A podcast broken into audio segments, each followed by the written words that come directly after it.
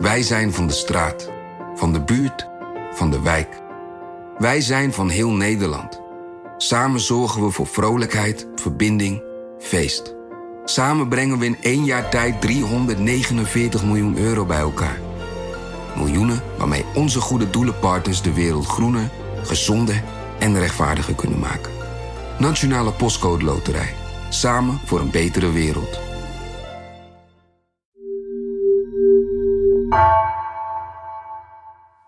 Voordat we beginnen met de podcast, eerst even dit. We zijn ontzettend benieuwd wat jij als luisteraar vindt van Haagse Zaken. Daarom wil ik je vragen het podcastonderzoek in te vullen. Dat doe je door naar nrc.nl slash podcastonderzoek te gaan.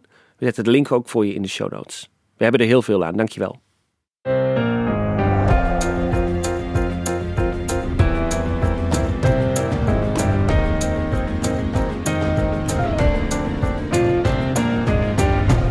Dit is Haagse Zaken van NRC. Mijn naam is Guus Valk.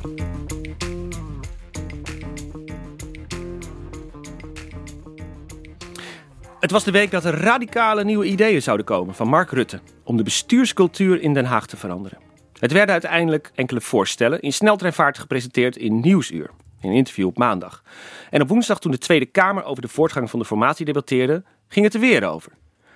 Maar wat stelt die nieuwe bestuurscultuur nou eigenlijk voor? Wat is het ook eigenlijk?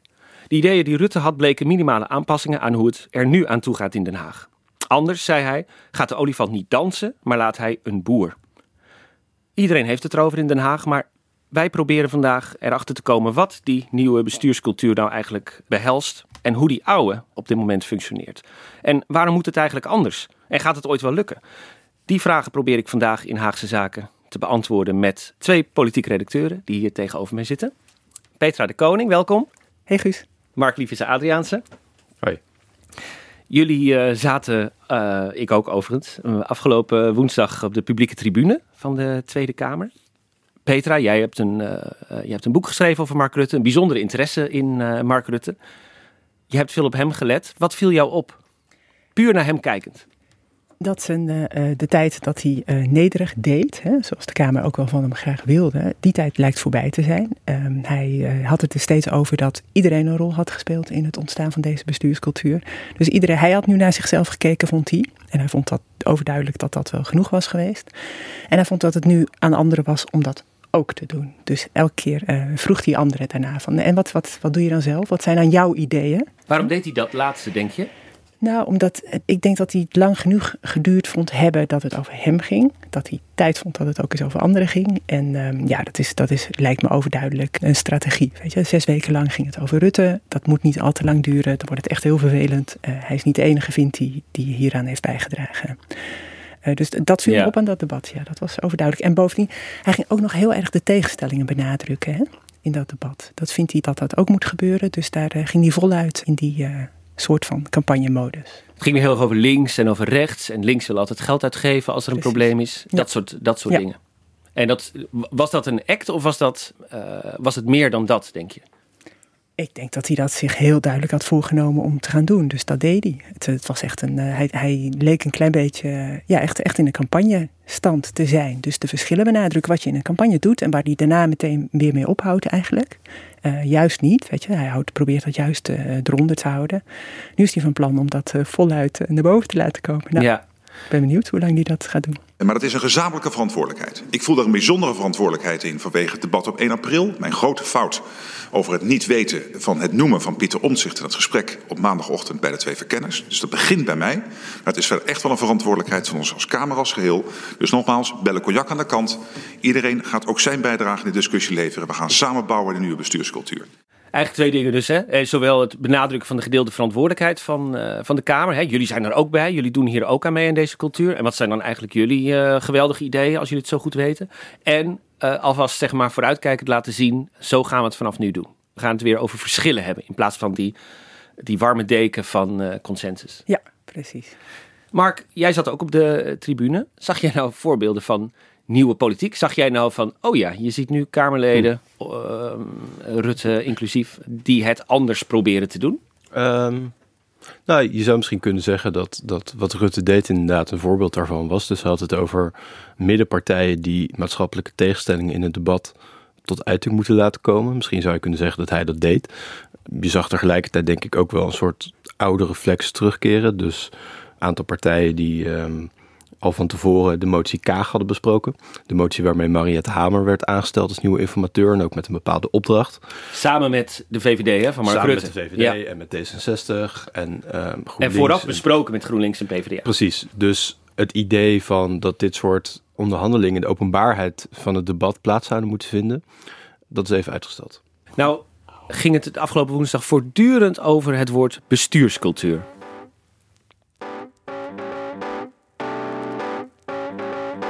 Met elkaar praten wij hier nu al enige tijd over macht, tegenmacht, een andere bestuurscultuur. En het gaat veel over de bestuurscultuur. Ja, wat dan is gaan heten een nieuwe bestuurscultuur. Want ja, wij willen bouwen aan een bestuurscultuur. Dat het grote vraag is van bestuurscultuur. dat de oude bestuurscultuur verbeteren van de bestuurscultuur. een nieuwe bestuurscultuur Een nieuwe bestuurscultuur. Nieuwe bestuurscultuur. Natuurlijk zijn daar ideeën over in de Kamer, maar het is niet de verantwoordelijkheid van deze Kamer. Maar even één stap terug, hè? want waar hebben we het eigenlijk over? Heel, even, even heel kort schetsen. Het lijkt, het lijkt eh, lichtjaren geleden, maar ehm, het, het kabinet is eerder dit jaar gevallen over de toeslagenaffaire. Hè? Die affaire toonde aan dat de overheid jarenlang burgers ten onrechte als eh, fraudeur zag en ook eh, zo behandelde. Maar die affaire toonde ook iets anders aan. Dat signalen van misstanden bijvoorbeeld de ambtelijke en politieke top niet bereikten. Dat informatie werd achtergehouden voor Kamerleden die kritische vragen stelden. En al tijdens de verhoren die uiteindelijk leidden tot de val van Rutte 3, concentreerden de problemen zich ook heel erg over de persoon van Mark Rutte. Was hij niet uiteindelijk de man die de personificatie was van alles wat er mis was? En de Rutte-doctrine werd geboren. Eigenlijk de beleidsopvatting dat, eh, dat, dat beleidsgedachten die zich ambtelijk vormen niet uiteindelijk de buitenwereld eh, bereiken. In de campagne speelde het niet een enorme rol, maar je, je kreeg wel in de gaten dat, met name ook door de rol van Pieter Omtzigt eh, bijvoorbeeld, dat er een roep om verandering was eh, in Den Haag. Maar toen kwam de formatie, ik spoel even door, en toen bleek al heel snel dat die roep om verandering ijdel was, want eh, in die gelekte notities waar we veel over gepraat hebben, werd gesproken over een functie elders voor Pieter Omtzigt. Dus waar hebben we het nou eigenlijk over? Hoezo nieuwe politiek? Even heel kort samengevat, hè? maar die oude bestuurscultuur waar iedereen het over heeft, we hoorden het net in de montage. Hoe uitzicht dat dan in de praktijk? Je loopt hier rond in Den Haag, eh, Mark. Waaraan merk jij er is sprake van een oude bestuurscultuur? In hoeverre is er sprake van een cultuur die anders moet? Nou, ik denk dat je het zou kunnen zien bijvoorbeeld aan alles wat er voorafgaand aan debatten al wordt afgestemd. Dus het idee is, in een debat komen partijen samen en die praten over een onderwerp en delibereren en daar komt iets uit. En onderhandelen misschien ook. In de praktijk zie je denk ik vaak, en ook nu nog, dat heel veel van tevoren al is afgestemd. Dat Kamerleden van tevoren al met elkaar eh, moties hebben afgestemd, amendementen. En dat eigenlijk aan het begin van het debat al wel redelijk eh, te voorspellen is wat er gaat gebeuren. Kijk, als het gaat om bestuurscultuur, je hebt inderdaad eigenlijk over twee dingen. Je hebt het over relatie burger-overheid, eigenlijk overheid-burger. En de relatie binnen de politiek. Ik denk dat, dat de toeslagenaffaire inderdaad die twee dingen samennam. Maar dat we de afgelopen weken, als het gaat om het, met name ook de formatie en het onderling vertrouwen, dat er wel of niet zo zijn, dat dat vooral gaat over ehm, de wil bij partijen om eh, hun eigen optreden, of eigenlijk vooral het optreden van de ander, want zelf eh, zijn ze niet altijd, vinden zichzelf niet altijd schuldig aan de oude cultuur te veranderen. Nou, dan zou je kunnen denken dat zit heel erg bijvoorbeeld in het debat aangaan en, en daar meerderheden zoeken. Ik zat vorige week donderdag bij de behandeling van de testwet. En eh, dat was een, wetgevingsoverleg. En eigenlijk aan het begin van dat overleg zei Caroline van der Plas van de, de, de BBB, de Boer-Burgerbeweging, al dat. eh, ze vroeg zich heel erg af: ja, wat doen we hier eigenlijk? Want het lijkt allemaal afgestemd. Want de amendementen waren al rondgedeeld tussen eh, coalitie en oppositie overigens. Tussen Paternotte van D66 en Kuiken van de PvdA. Die hadden al samen af- afgestemd dat de eigen bijdrage voor de, voor, het, eh, voor de sneltest moest verdwijnen uit de wet. Nou, en dat is uiteindelijk ook gebeurd inderdaad. Maar dan zie je dus zo'n nieuwkomer, eh, die komt erbij, eh, Van der Plas en Sylvana Simons, die sprak ik op vrijdag. Die had zich er ook heel erg over verbaasd. Die werpen ja, nieuw licht op een praktijk die iedereen hier eigenlijk heel normaal vindt. Dat zo'n debat van tevoren al grotendeels is afgestemd. Eigenlijk een soort frisse verbazing van die nieuwelingen Ja. over hoe het nu eenmaal al heel lang in eh, Den Haag gaat. Hè? Ehm, vanmorgen lees ik in de Telegraaf dat eh, eigenlijk alles al in kannen en kruiken is. Dat eh Kamermeerderheid er eigenlijk al is voor deze testbewijzen. Um, ik wilde eigenlijk vragen aan de collega's uh, hier of dat inderdaad het geval is. Want ik vraag me af waarom we tien uur gaan vergaderen als de coalitie eigenlijk al denkt van nou, dit gaan we doen. Dat lijkt me eigenlijk geen zinvolle besteding van de tijd, althans niet van mijn tijd. Ja, en het, het, het, het was dus niet alleen de coalitie, hè? het was dus samen met uh, PvdA. Was het amendement al gemaakt en er werd nog een beetje aangeschaafd, maar dat, dat was al duidelijk. Dus die onderhandeling had voor het debat al plaatsgevonden. Dus als je het hebt over dualisme, monisme, et cetera, dat zat hier allemaal in. Mm Je noemt het woord afstemmen. Uh, Petra, ik moet uh, even denken aan een stuk dat jij in 2019 met Enzo van Steenberg hebt gemaakt over de totstandkoming van een wet van Hugo de Jonge. Eigenlijk om de kosten voor chronisch zieken te beperken. Als ik het even heel kort samen mag ja, vatten. Hè? precies, daar ging het over. Het, het, ging over het geld dat gemeenten daarvoor krijgen. En de oppositie wilde meer en de, het kabinet wilde minder. Dus daar moest een compromis uitkomen. En dat hebben ze met z'n allen zitten regelen in de achterkamertjes met de oppositie erbij. En uiteindelijk heeft de politieke assistent van Hugo de Jonge, Bart van der Brink, die later uh, kandidaat Kamerlid werd voor het CDA, die heeft een motie uh, geschreven en rondgestuurd die de oppositie ging indienen ja, dan zit je wel heel erg naar een, uh, een toneelstuk te kijken als je daarna het debat volgt. Ik denk dat het heel vaak voorkomt zo trouwens. Dat het heel vaak voorkomt dat, dat politieke assistenten van bewindspersonen meekijken met een motie. En dan een beetje advies geven over uh, het taalgebruik. En dat als ze het misschien net iets anders formuleren. Nou, dan zou de minister hem wel eens uh, kunnen uh, aanvaarden. Ja, ja, en ze doen dat dan onder het mom van uitvoerbaarheid. Hè? Dat zij toetsen op de uitvoerbaarheid. En dat de oppositie dan ook geholpen is als, het, als ja, iets wat zij voorstellen uitvoerbaar is. Ja, precies. En, Heel sympathiek. Mag ik daar een persoonlijke vraag over stellen? Jullie, jullie, jullie, jullie zien dat al. Uh, jullie zitten hier allebei al, al enkele jaren. Nou, Peter al, uh, al een flinke poos. Is dat iets waarvan je denkt: wauw, dat is ook knap gedaan eigenlijk? Dat is ook, dat is ook vakmanschap uiteindelijk, hè, om zo'n wet door te krijgen. Of denk je ook van, nou, dit is een worstenfabriek waarvan we maar blij moeten zijn dat, dat de burger er niks van uh, weet. Wat, hoe, ja. hoe kijk je daarnaar? Ja, dat laatste. Ja, dat laatste. Ik vind het, ik vind het, het hoort zo niet. Je moet dat niet zo doen. Ik denk dat kiezers uiteindelijk voelen dat dat zo gaat. En dat ze het dus niet helemaal kunnen vertrouwen. Het is niet oké en volgens mij moeten ze daar echt mee ophouden. Dit is, uh, dit is niet fijn om naar te kijken. Ik vond het helemaal niet zo heel fijn om dit te weten, dat het voortdurend zo gaat, kennelijk. Uh, nee, ik denk dat het niet goed is. Niet goed voor de politiek, niet goed voor de democratie. Ja, misschien dat, dat in de verbazing van Caroline van der Plas en Sylvana Simons de verbazing zit van mensen die een frikandellenfabriek binnenlopen en zien hoeveel restvlees er nodig is om een frikandel te maken, zeg maar. En dan denk ik van, jeetje, is dit een frikandel? en dat, dat zij dat nu hebben met, jeetje, is dat de Tweede Kamer? Gaat het er hier zo aan toe? Het wordt interessant om te zien of ze dat kunnen vasthouden en of, dat, of, ze, of ze daar echt iets mee kunnen veranderen uiteindelijk. Het woord de Rutte-doctrine is natuurlijk een heel machtig frame, omdat het zich heel concentreert op één persoon. Maar um, uh, ik, ik, ik heb hier in een uh, vorig leven ook gewerkt en kwam ook na elf jaar weer terug. En, en moest me ook weer, uh, weer verhouden tot hoe het er nu aan toe ging. En het valt mij ook op dat, ik, dat je het op een gegeven moment dat je het verschil zo goed ziet. Er is wel degelijk iets veranderd. Ja, is, het, is het sterker dan. Want jij liep in de balken in de jaren. Ja. Is het sterker dan toen? In, het is een sterker in die zin dat uh, bijvoorbeeld de ministerraad veel minder belangrijk is geworden op vrijdag.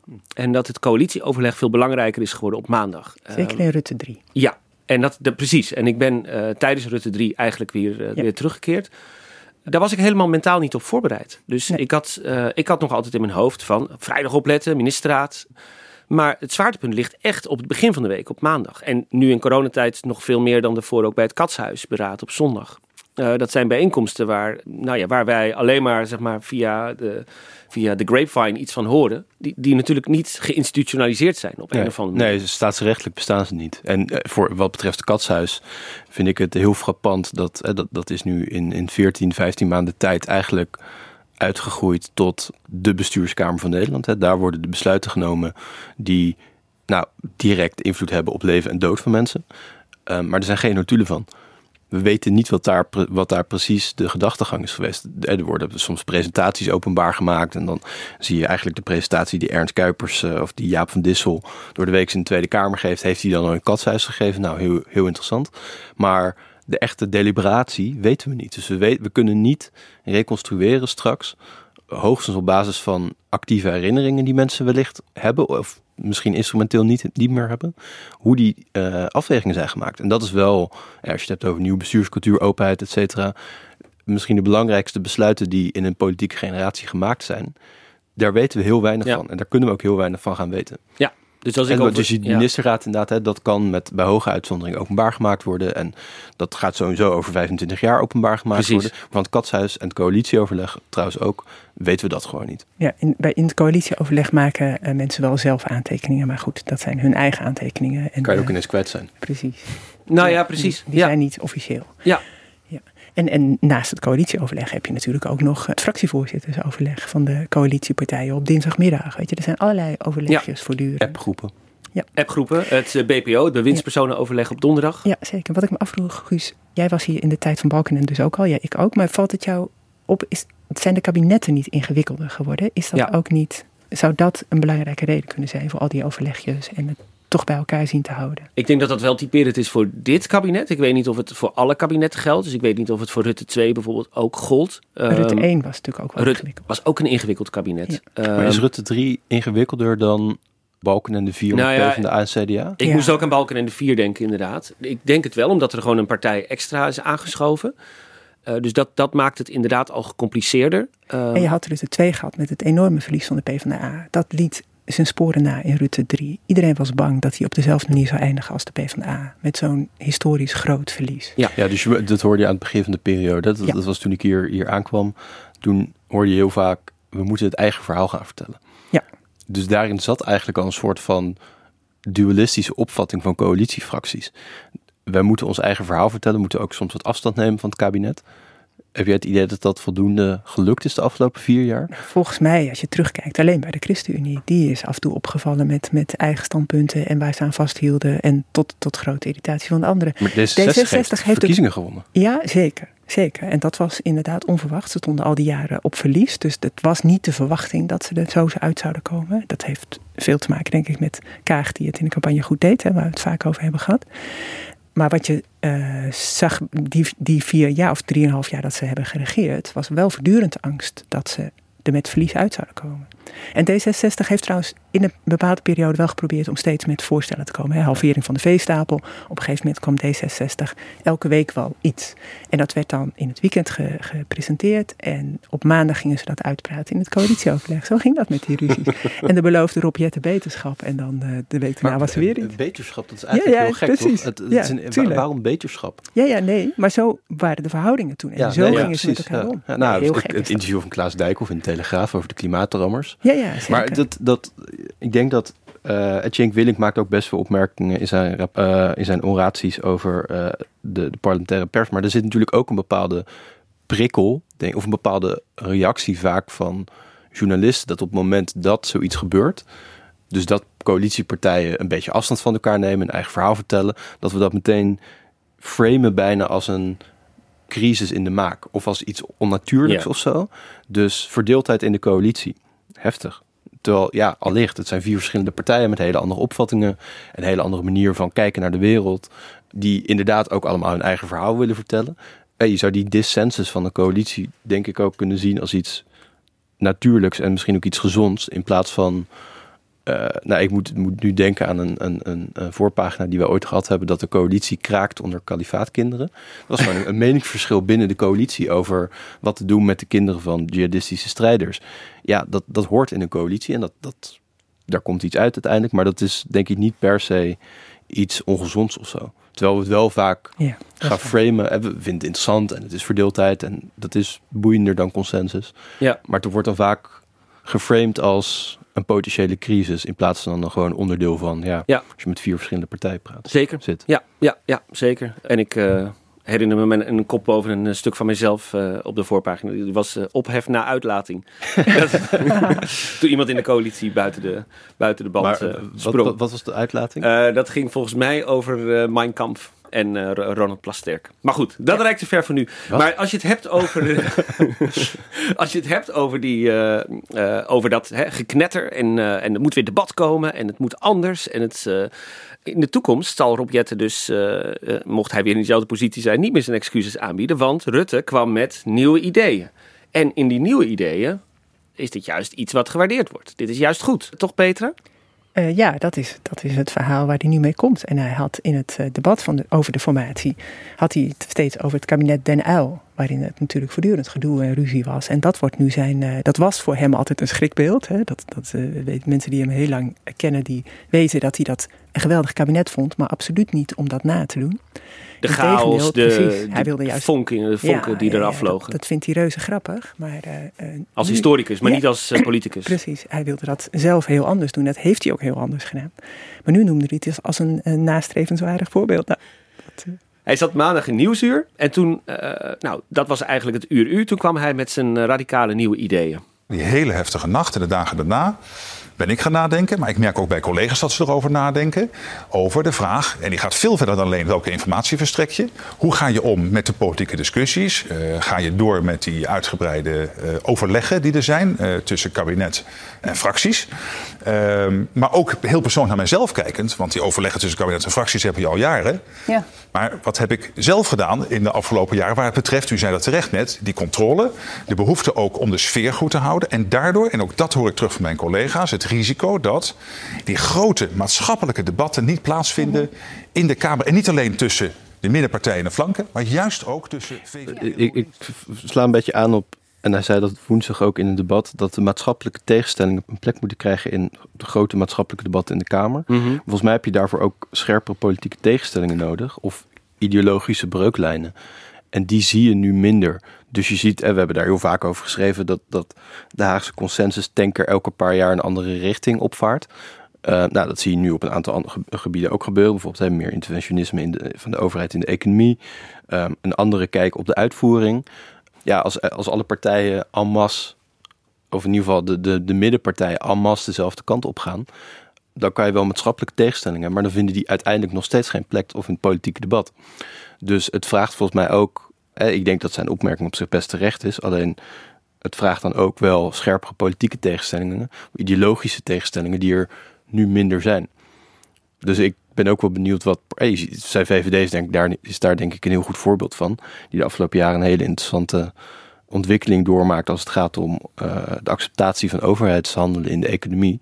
Ja, dat maakt het nu makkelijker om met de PvdA te gaan regeren, met GroenLinks, met D66, dan, dan tien jaar geleden. Ja, maar dat is wel een mooi voorbeeld, want daar zie je juist dat de VVD in de pas gaat lopen met de consensus die er over dit onderwerp is. Precies. Dus, eh, maar Rutte lijkt te suggereren dat die, die verschillen wel degelijk zijn, maar dat ze niet worden uitgesproken. Want hij heeft het erover van wij moeten, wij moeten ook aan de buitenwereld weer laten zien dat het niet alleen maar gaat over het midden tegen de flanken. En de flanken hebben dan de extreme opvattingen en wij zijn het allemaal met elkaar eens.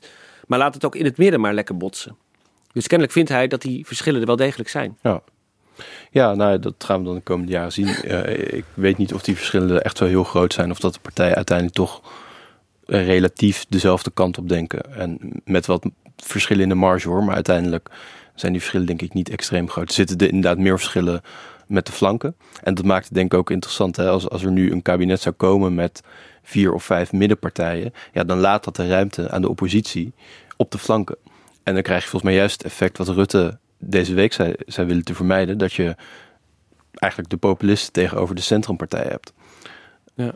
En eh, tegelijkertijd zei Rutte uh, in het Kamerdebat, Petra, dat dat de voorstellen die hij had helemaal niet zeg maar, grote structuurwijzigingen moeten zijn of radicale hervormingen of iets dergelijks, maar juist hele kleine stapjes. Hè? Waarom denk je dat hij daar nog even een punt van maakte? Nou, omdat je natuurlijk ook als hij wel een hele grote verandering aankondigt, dan gaan wij daar allemaal op letten en dat allemaal. Dus hij had volgens mij al heel snel spijt dat hij het zelf radicaal genoemd had. Want dat, dat zo radicaal was het dus helemaal niet, zoals iedereen kon zien. En als je nu kleine stapjes aankondigt, dan, ja, dan zal, dat, uh, zal die daar minder op worden afgerekend. Dat lijkt me. Maar hij had het toen over radicaal. Op, dat was de, de ochtend of de dag dat die ochtend Gert-Jan Segers had gezegd dat hij was uitgekeken op Rutte en dat hij niet meer verder kon met Rutte. Ja. Dus hij gebruikte het misschien om, om zijn politieke leven te redden op dat moment. Ja, eh, zeker. Er hing toen veel van af. En uh, Rutte heeft wel de neiging om dan uh, de dingen te gaan overdrijven. Dan is het niet uh, erg, maar heel erg. Dus dan is het niet ingrijpend, maar radicaal. Dus dat, ja, dat, heel vaak komt hij daar dan weer van terug. En dan, dan heeft hij dat toch niet zo gezegd of niet zo bedoeld. En, ja. Er viel mij nog iets op trouwens in dat nieuwsinterview. Dat hij, hij zegt aan de ene kant dat hij niet meer zo wil controleren. Hè? Dus die controledrang, maar die twee weken begonnen over, niet hij Mhm. zelf, hè, dat hij ook wel dat heeft. Ja, dat is waar, dat heb ik. Daarna ging hij zeggen dat, toen ging het over zijn geheugen, dat hij zou gaan proberen om alle dossiers nog meer tot zich te nemen.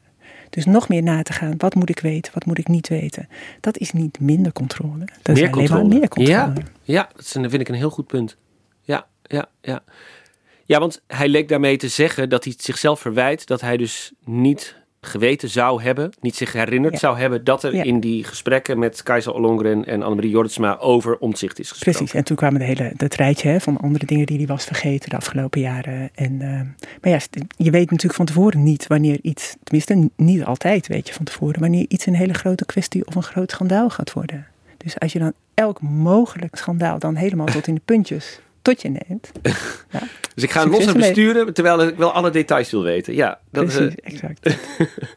Toch vraag ik me bij, bij dit alles af. Wat als ANP-fotograaf Bart Maat deze donderdagochtend net even een blokje om was gegaan... of een kopje koffie aan het drinken was... en niet de foto had gemaakt van de, de memo die Kajsa Olongren onder haar arm had. Volgens mij hadden we dan deze podcast nu niet gemaakt... hadden deze discussie niet gehad. Waren er nooit ideeën gekomen? Nee, nee, kijk, die toeslagenaffaire had natuurlijk wel wat losgemaakt. Hè? Dat was wel, maar, dat, maar, het gekke was dat het in de campagne dus amper een rol speelde. En dat die hele ja, catharsis ontbrak. En misschien dat die alsnog was gekomen hoor. Dat partijen toch een soort ja, oorlogsenthousiasme hadden om Rutte nog een keer aan te gaan vallen. Maar, en dat was het misschien op een ander moment geweest. Maar toch, ja, het hangt wel een beetje bij het van toevalligheden aan elkaar. Zeker. Nou is die roep om vernieuwing hè, van, de, van de bestuurscultuur in Den Haag is natuurlijk allerminst uh, nieuw. Ik vond wel aardig hoe uh, Tom Jan Meeuwis in zijn column uh, schreef dat zelfs het kabinet Kok 1, hè, 1994, al in het regeerakkoord het had over politieke vernieuwing, dualisme en dienstbaarheid aan burgers. Nou, dat had deze week geschreven kunnen zijn ik heb zelf de tijd van Fortuin meegemaakt hier. Toen het heel erg over oude politiek ging. Nou, dat was dan uh, Melkert en Dijkstal. Dat was uh, het wegpoetsen van ideologische verschillen. Dat was uh, achterkamertjes, et cetera. En nieuwe politiek. En dat was dan openheid en, en openlijk twijfelen. En laten zien waar je staat. En... Dat heeft de LPF-fractie wel in de praktijk gebracht. Zeker. Ze waren, uh, wat dat betreft, uh, waren ze echt uh, kinderen van hun tijd. maar die, die roep om een, om een nieuwe cultuur, die, die bestaat al ongelooflijk lang. En ik zat in de voorbereiding gisteravond nog even in Niet Spreken met de Bestuurder te lezen. Het boek van Gerrit van Westerlo uit 2004. waarin hij de Hollandse politiek noemt hij een, een nomenclatura. Een gesloten kasten van mensen die het openbaar bestuur voor hun eigen soort gereserveerd houden. En binnen die kasten was en is het tot op grote hoogte nog steeds nat dan om de wezenlijke vraagstukken over land en volk helder onder woorden te brengen. Er, het lijkt alsof het een soort uh, perpetuum mobile is, waar je voortdurend dezelfde discussie uh, uh, voert. Is dit nou ritueel, Mark? Wat denk jij? Of is dit. Nee, Ik, nee, ik denk dat elke politieke generatie een soort confrontatie heeft op een gegeven moment met die cultuur. En dan ook wel daarmee wil breken.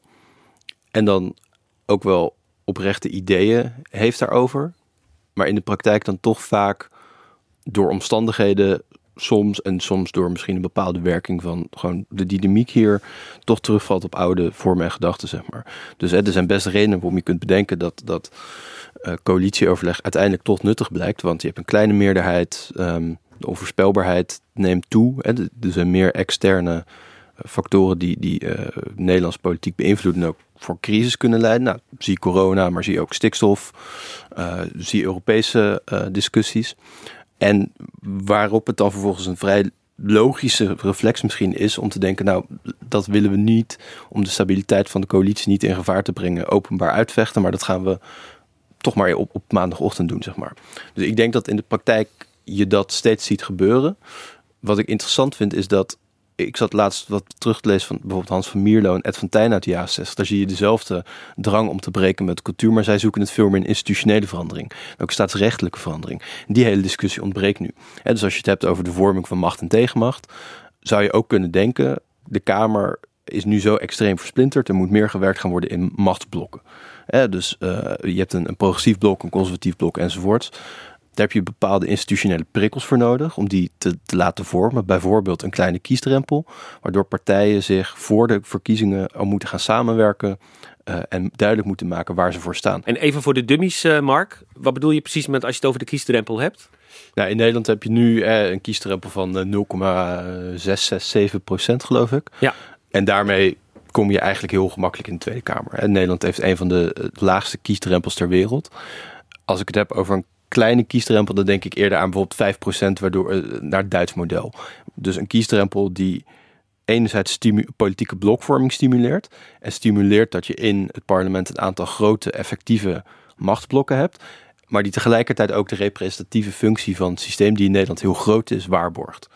Je kunt ook denken aan bijvoorbeeld het Italiaanse systeem. Nu weet ik dat Italië misschien niet het lichtend voorbeeld is van effectieve parlementaire democratie. Maar je ziet daar wel um, voor de verkiezingen een aantal hele grote. Italië heeft extreem veel partijen. Maar in het systeem zitten prikkels waardoor je voor de verkiezingen politieke machtsblokken ziet. Dus een progressief machtsblok die heel duidelijk maakt hoe zij willen regeren na de verkiezingen. Ja, en zo'n machtsblok bestaat dan uit tien partijen of zo. Maar door de kiesdrempel in het systeem worden die naar elkaar toegedwongen. dus ik, ik verbaas me erover dat PvdA, GroenLinks, die allebei relatief kleine fracties hebben, nu alle portefeuilles binnen hun eigen fracties hebben verdeeld.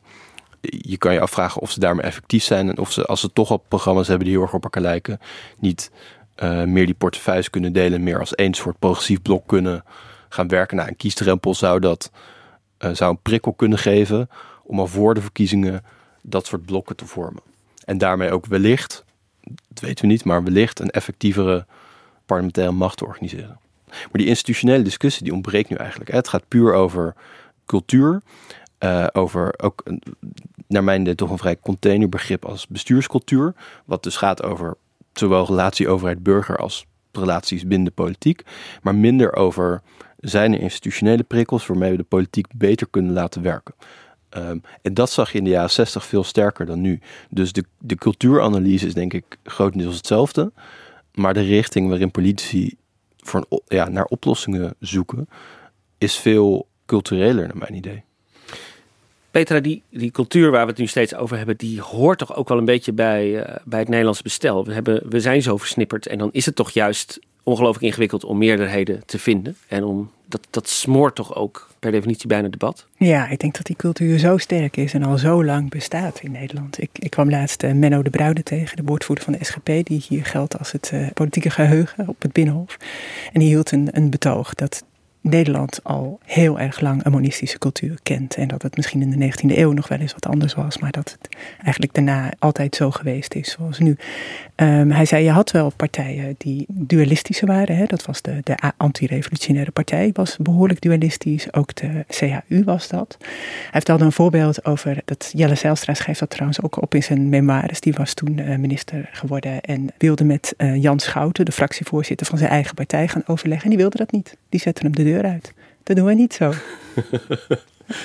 en het ARP, uh, uh, de ARP en de CU zijn later overgegaan in het, uh, in het CDA. Ja, en um, zijn gewoon monistisch verder gegaan. Precies. En nog even, hè, even voor, de, voor de begripsverwarring. Monisme betekent dus eigenlijk dat er geen, geen botsing of zo min mogelijk wrijving wordt nagestreefd tussen hè, aan de ene kant regering en aan de andere kant parlement. En dualisme betekent juist dat daar eigenlijk op twee verschillende plekken uh, gedachtenvorming ontstaat. En dat het af en toe dus ook de belangen botsen, ook als het bijvoorbeeld een, een regeringspartij uh, betreft. Nou, is het wel interessant dat als je ook naar het Kamerdebat keek. En Rutte uh, snelde de hele tijd, ook nu als Kamerlid, hè, naar de interruptiemicrofoon. En vroeg dan aan fractieleden, of aan collega-fractievoorzitters. Ja, wat is, dan, wat is dan uw opvatting? Hoe moet zo'n nieuwe bestuurscultuur er dan wel uitzien? Mark, kwam jij erachter wat de Kamer nou precies wil? Nee, niet helemaal ik denk dat, dat Sylvana Simons nog de meest concrete ideeën had over. Ja, eigenlijk niet eens bestuurscultuur, maar ook gewoon wel institutionele veranderingen. Dat gezegd hebbende, vraagt u naar concrete ideeën. Wat denkt u van een constitutioneel hof? Waardoor bijvoorbeeld wetten die hebben geleid, beleid dat heeft geleid tot die grote drama's, aan de voorkant getoetst kunnen worden. Zodat we niet achteraf de scherven hoeven te lijmen. Wat denkt u van het idee om mensenrechtenverdragen leidend te laten zijn en in, Nederland, uh, in het Nederlandse recht ook werking te laten krijgen? Wat denkt u van het idee om klokkenluiders beter te beschermen? Of wat denkt u van het simpele idee om eens te luisteren als de ombudsman met een rapport komt? Wat denkt u van doorzettingsmacht voor het, het wordt me niet helemaal duidelijk wat de Kamer precies wil. Ze noemen zichzelf de tegenmacht. Ik denk dat de Kamer de macht is. Um, en zij zijn uiteindelijk de volksvertegenwoordiging. Zij geven een opdracht aan het kabinet om beleid uit te voeren. Formeel gezien. De praktijk is misschien iets anders. Ik denk dat er een inherente spanning zit in het stelsel, in het parlementaire stelsel, waardoor er nooit echt puur dualisme is. Dus de Kamer is wel wetgever als controleur. als het gaat over de Tweede Kamer die zichzelf, of die meer een tegenmacht wil zijn, hebben ze het eigenlijk over die controlefunctie. Dus de Kamer wil sterker het kabinet kunnen controleren. Dat is een, een beperkte taakopvatting. Je zou kunnen denken, eh, we zijn niet per se de tegenmacht, we zijn de macht. Dus we moeten ook onze wetgevende taak serieuzer nemen. Nou, die, die wetgevende functie van het parlement zie je de laatste jaren gewoon afnemen. Minder wetsvoorstellen die het halen. Eigenlijk het, het politieke mandaat is veel meer verschoven naar het kabinet als de Tweede Kamer zichzelf echt puur als controleur wil zien, dan betekent dat in de praktijk dat het beleid uit het kabinet komt. En dat je dus ja, niet machtiger wordt als parlement. Mhm. Uh, ja, en die spanning zit denk ik inherent in het stelsel. En het leidt er dus ook toe dat, dat je eigenlijk nooit echt een puur dualistisch stelsel kunt hebben. Ja. Ja, ook Engeland heeft dat niet, of Duitsland, eh, Frankrijk. Het zijn allemaal landen waar die iets anders stelsel hebben, maar waar in de praktijk nooit echt sprake is van echt dualisme. Ehm, Ja, dus ook in aansluiting daarop, want eh, de nationale ombudsman Reinier van Zutphen zijn jaarverslag eh, deze week. En eh, hij is ongelooflijk kritisch op, nou, ten eerste op de manier waarop, waarop is omgegaan met de toeslagenaffaire. zowel de politiek als de overheid. Maar hij maakt in het jaarverslag ook heel erg dit punt. Van, er wordt nu heel erg naar tegenmacht, over tegenmacht gepraat als de oplossing voor de, voor de problemen. Maar in de praktijk heeft de burger daar eigenlijk geen klap aan. Want Kamer en regering werken samen, zal ik maar zeggen, als het om eh, wetgeving gaat. Dus, dus zolang ze met slechte wetten blijven komen, eh, maakt het niet zo heel veel uit of er, of er tegenmacht is, want ze doen precies hetzelfde. Ja, dus als, als Omtzigt het bijvoorbeeld heeft hè, over wij zijn de tegenmacht en wij moeten meer tegenmacht tonen, dan denk ik oké, dat- ik snap die controlefunctie, maar dat, dat kan in de praktijk dus betekenen dat je minder wetgevende macht hebt. En dat is volgens mij ook niet wat Kamerleden willen. Volgens mij willen Kamerleden ook meer macht hebben. Gewoon meer invloed hebben op wetgeving. Da- daar komt mijn verwarring een beetje vandaan over Ja. wat, wat wil de Kamer precies? Willen ze puur controleur zijn? Willen ze meer wetgever zijn? Willen ze een mengvorm? Nou, prima, maar dat betekent dat in de praktijk... dan kom je in het, zeg maar, monistisch-dualistische schemergebied terecht. Mhm. Uh, en dat maakt het, die, die scheiding ook veel minder helder of duidelijk, denk ik, dan zoals die nu soms in een debat uh, gepresenteerd wordt. En maakt het misschien, om, om je vorige vraag te beantwoorden, ook verklaarbaarder waarom dit in de praktijk heel moeilijk te veranderen blijkt steeds. Heeft het organiseren van tegenmacht zin als de wetten waar vervolgens die hier geproduceerd worden nog steeds blijven uitgaan van, eh, hè, van het geïnstitutionaliseerde wantrouwen, zoals de ombudsman het noemt, eh, tegen de burger? Nou, dat ligt er dus aan of de, of de Tweede Kamer dat ziet. Ik denk dat je over de afgelopen 40 jaar kunt stellen dat, uh, dat, dat het ook om een soort mentaliteit gaat binnen de overheid en binnen de politiek over wat is de burger. De burger is een rationeel, of dat is dan de aanname, de burger is een rationeel, redenerende, uh, redenerend individu. Eigenlijk een hele, een soort economical man, um, of woman. Dus het, het individu streeft altijd zijn eigen geluk na en zijn eigen belang. En dat botst met het collectieve belang. En dus heb je een overheid nodig die. Uh, wat de burger gaat dus ook frauderen. Hè? Want als je daar geen uh, uh, grenzen aan zitten, dan, dan gaat de egoïstisch redenerende burger ook de overheid te grazen nemen. en dus wordt er, in, wordt er een systeem gebouwd rond wantrouwen. En ik denk altijd, ja, als je inderdaad 40 jaar lang tegen mensen zegt dat ze rationeel handelende individuen zijn die ook egoïstisch zijn, dan gaan mensen zich ook zo gedragen. Dus dan krijg je een soort, inderdaad, een soort ja, neoliberale mens die inderdaad zo redeneert. Uh, en dan is het ook heel begrijpelijk dat je een overheid opbouwt dat dat wantrouwen vervolgens moet organiseren. Dus als, als je het echt hebt over een andere bestuurscultuur, of uh, zeg maar het gedeelte daarvan dat gaat over overheid-burger, dan gaat het ook over een ander mensbeeld. Dus ga je uit van vertrouwen dat mensen uiteindelijk het goede doen?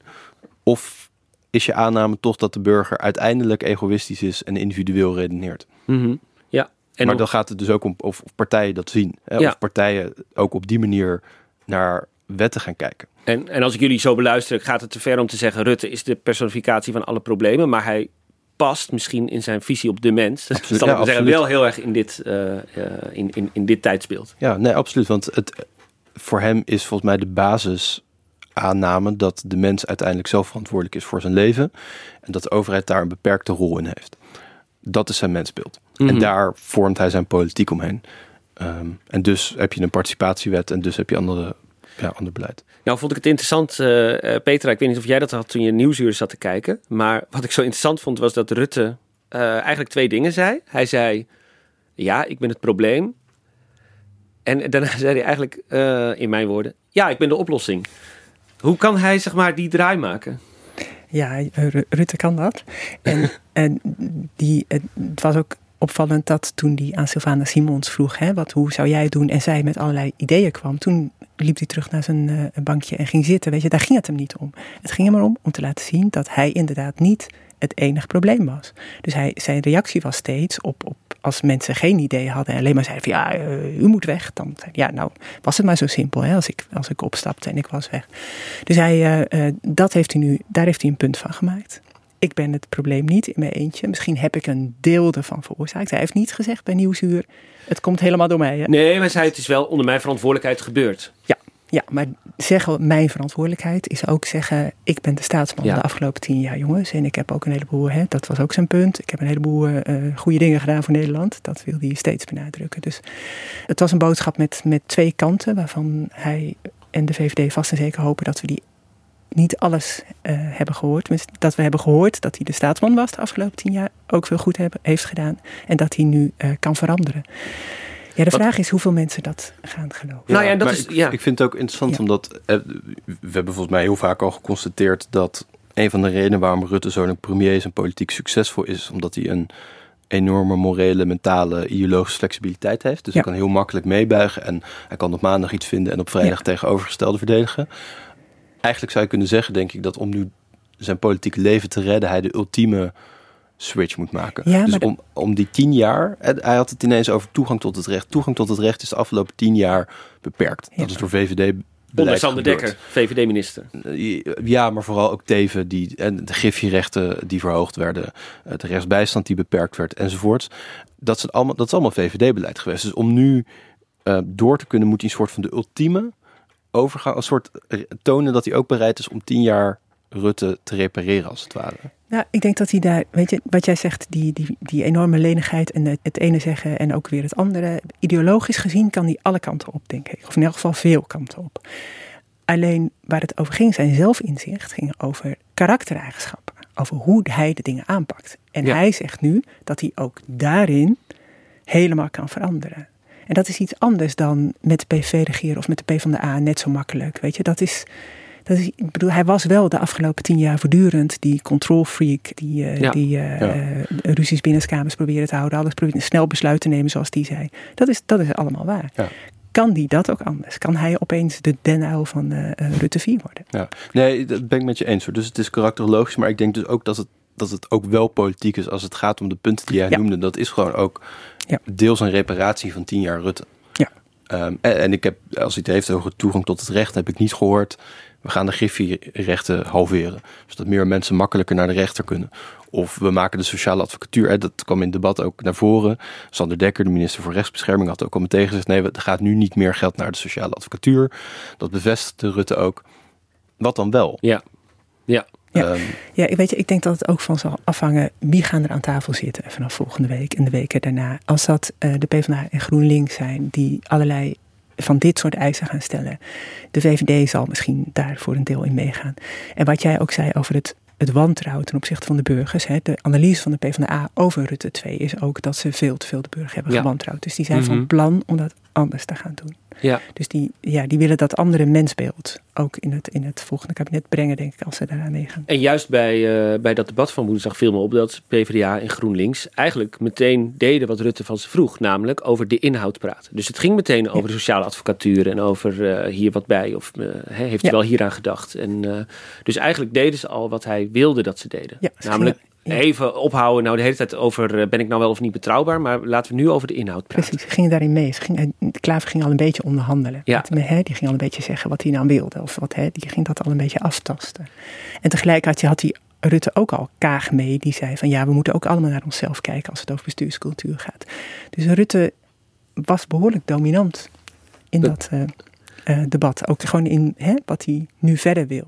En, en is het in dat opzicht, hè, want je, je zei net ook terecht, hij moet ook de buitenwereld overtuigen. Was het ook een, een slimme zet misschien om in Nieuwsuur te gaan zitten? Hè? Want jij maakte, uh, dat, dat, dat observeerde je maandag al heel goed. Uh, dat is natuurlijk een ander kijkerspubliek dan wanneer die bij Bo bijvoorbeeld zou gaan zitten of zo. Ja, zijn eigen achterban die steunt hem kennelijk nog in elk geval zijn partij. Want uit de peilingen blijkt niet dat de VVD enorm kildert door deze toestanden van de afgelopen zes weken.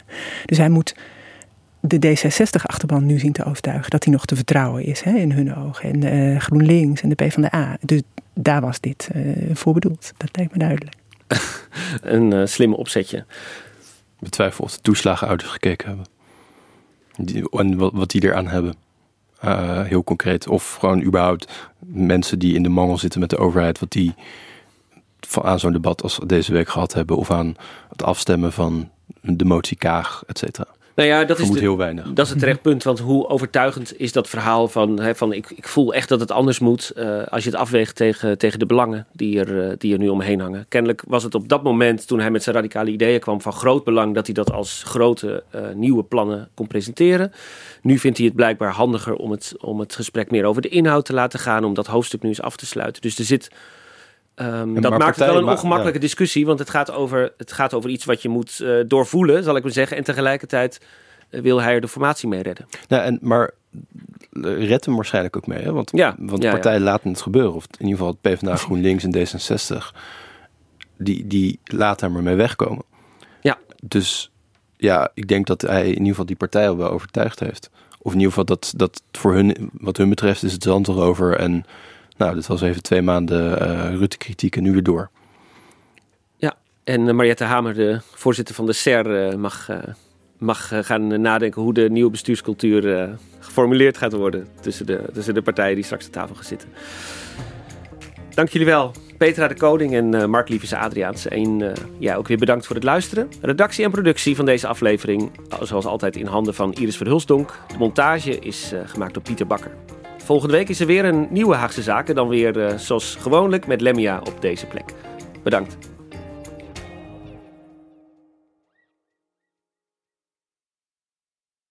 Je hebt aardig wat vermogen opgebouwd.